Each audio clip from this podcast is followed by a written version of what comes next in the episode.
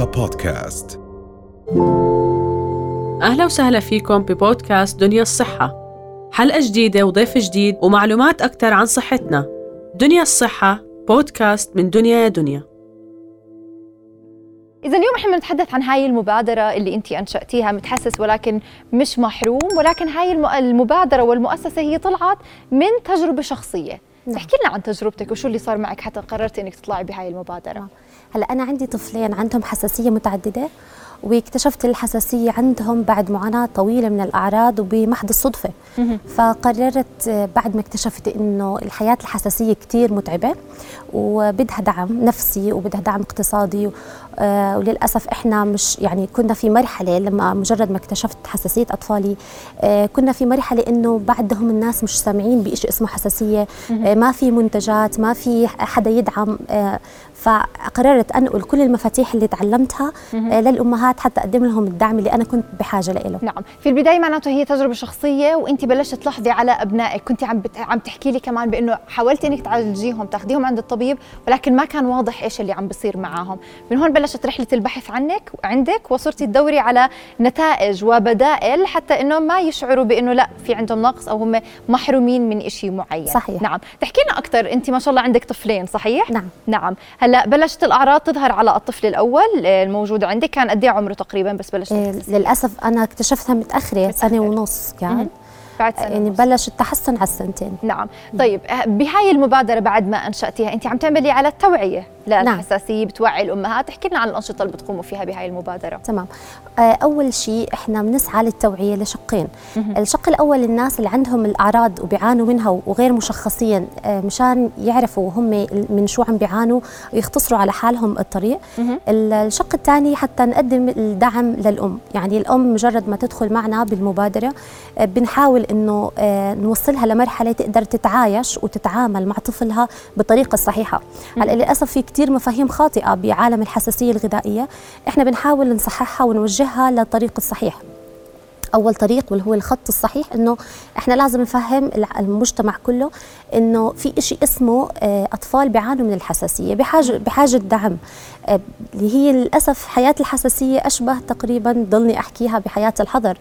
آه، يعني ما في أماكن يروحوا لها الأطفال ما في للأسف منتجات.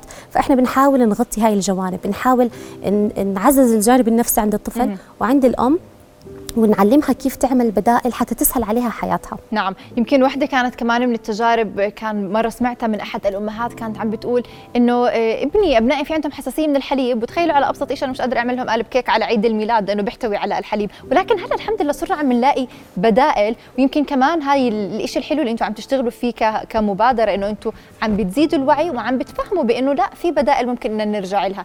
عم بتشوفي الموضوع صار أحسن من لما اكتشفتي مرض الأبناء أبنائك وجود الحساسية م- اللي عندهم يعني بشكل عام؟ نعم الحمد لله هلا أسهل الوضع. صح ما في منتجات بس إنه أنا بعرف أنا ابتكرت وصفات الحساسية هلا يعني بنقدر نعمل وصفات لجميع أنواع الحساسية من مكونات بسيطة موجودة عندي بالبيت. يعني أنا ما بحتاج إني أروح أشتري بس حليب نباتي لأنه أحيانا الطفل للأسف آه، بهاي الأيام عم بلاحظ إنه بيجي بينخلق عنده خمس أنواع حساسية. فممكن يكون عنده حساسيه مكسرات وقمح حساسيه مكسرات وقمح وصويا. فشو البدائل اللي أنا بدي أوجدها؟ كيف أنا بدي أعمل حلويات؟ بتحس الام حالها مربطة يعني.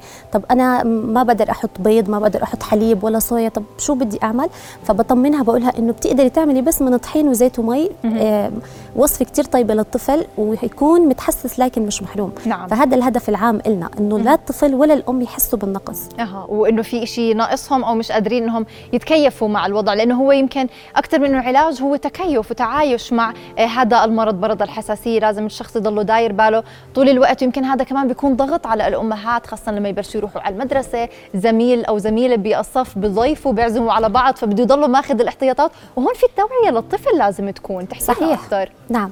هي أصعب مرحلة هي مرحلة إن شاء الله يا رب كل الأطفال بيشفوا قبل هاي المرحلة المدرسة.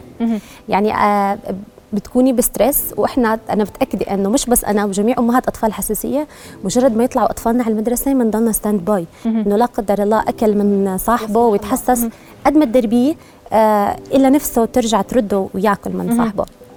كيف بنشتغل؟ مجرد ما الطفل يتشخص بالحساسية حتى لو كان صغير بدنا نعلمه إنه هذا أكلك وهذا أكلنا. ما نخبي عنه أكلنا اللي هو بيتحسس منه لا بدي أحط له بديل يعني مثلا أنا بعمل كيكي الخاص وكيكه الخاص. وآكل قدامه. أفهمه لأنه لما بد إذا أنا بدي أضل أخبي عنه وطلع على المجتمع اللي المدرسة أو حتى يطلع برا على المطعم على المجتمع العائلي نفسه يعني أنا بأكد لك إنه ما في حدا بيرحم ما حدا بيحس إنه الحساسية عن جد خطيرة ومهددة للحياة. نعم. فهو بده يفهم ويتعود من البيت إنه هذا بيحسسك بده يتعود إنه لعمر أكبر من ثلاث سنين وفوق إنه اخذه على البقالة أكثر من مرة. وافرجيه إنه في منتجات موجودة أنت ما بتقدر تشتريها وفي أشياء بدائل أنت بتقدر تشتريها. ونقرأ ملصق محاذير الحساسية مرتين وثلاثة يتعلم يقرأ الملصق حتى لما يروح على المدرسة آه هو يقرأ حتى لو لقى شيء بده يقرأه. آه نحفظه شو محسساته نفهمه إنه أنت آه superhero أنا عندك شيء مميز نشتغل على الدعم النفسي.